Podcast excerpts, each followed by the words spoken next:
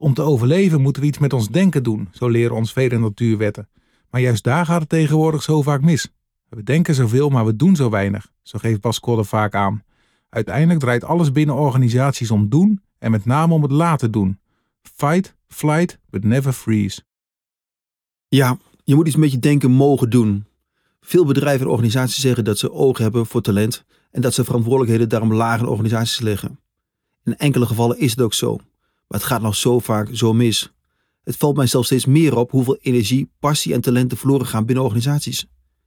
Talenten worden overgecontroleerd, ondervinden te weinig kansen om zich te kunnen ontplooien en blijven zelfs onopgemerkt.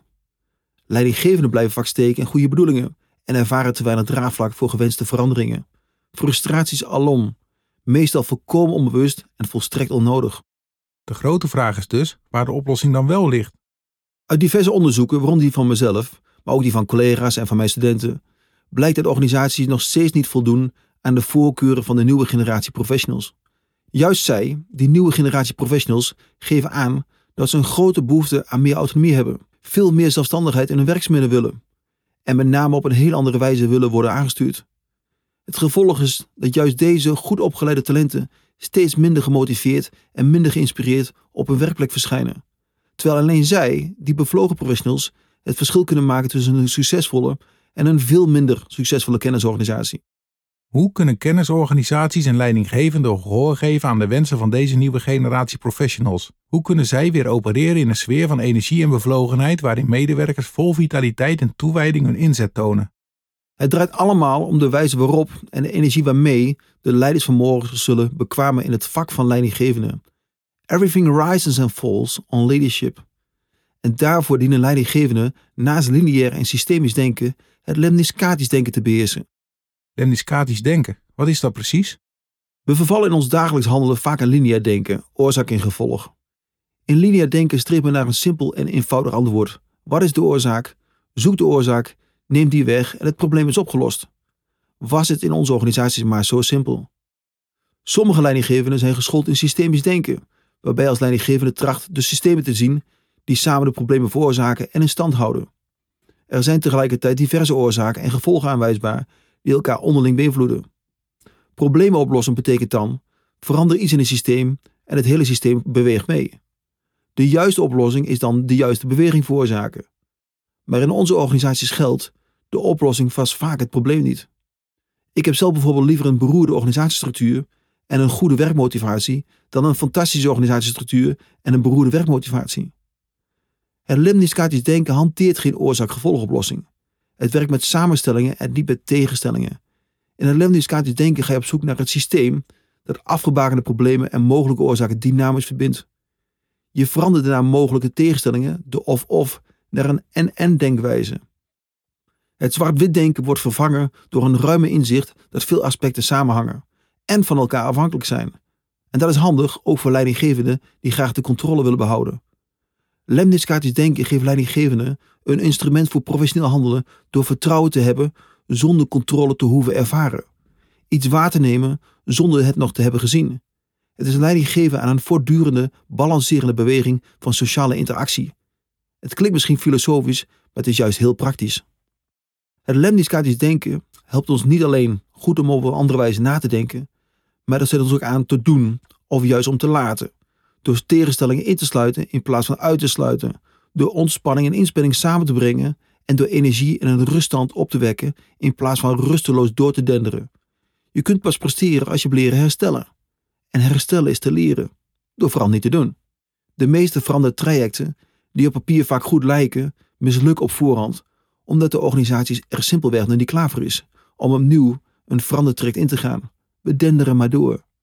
Een goede veranderkundige kent het belang van timing. Lemniscatisch denken helpt hierbij.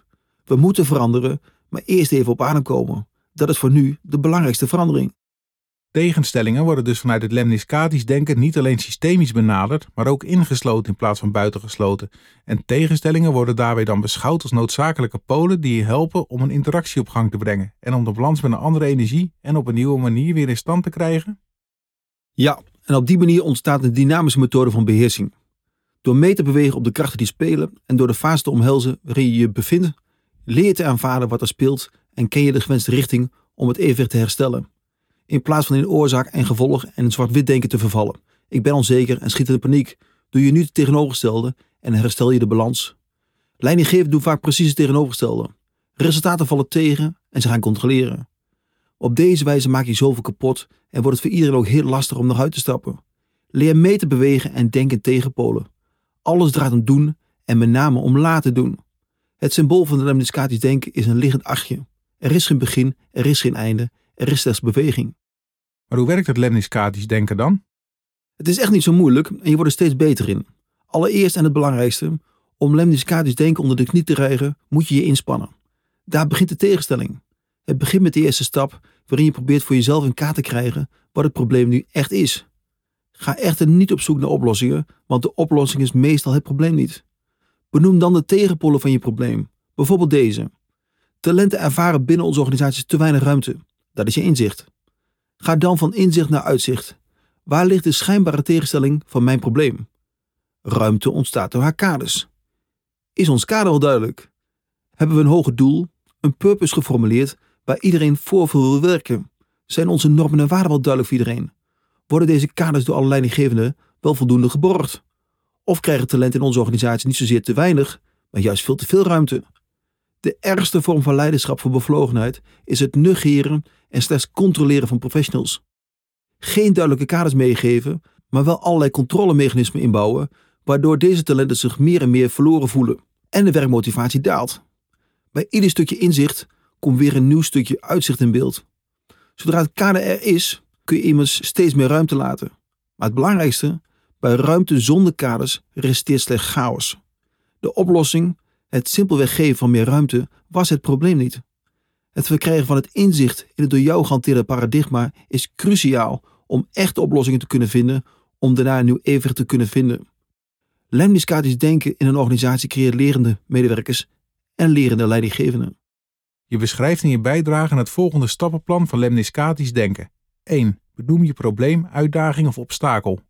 2. Ga op verkenning en vind de mogelijke oorsprong. 3.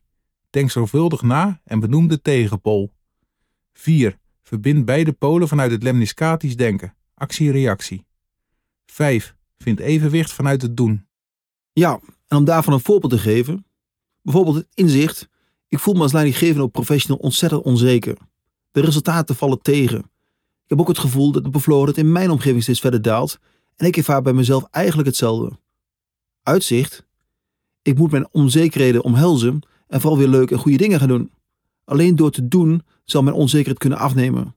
Waarbij dan later weer geldt, als ik me te veel zeker ervaar, dan is de onzekerheid dichtbij. Ik moet de onzekerheid weer gaan opzoeken. Veranderen moet. De omgeving verandert immers ook.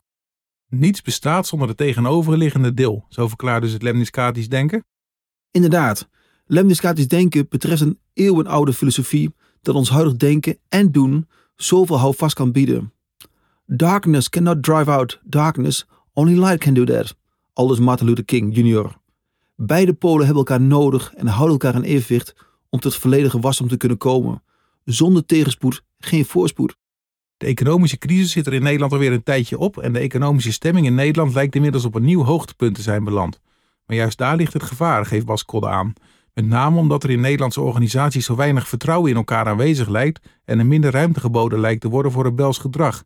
Het durven benutten van de zelfeffectiviteit van hoogopgeleide, bevlogen talenten om aankomende noodzakelijke veranderingen aan te kunnen.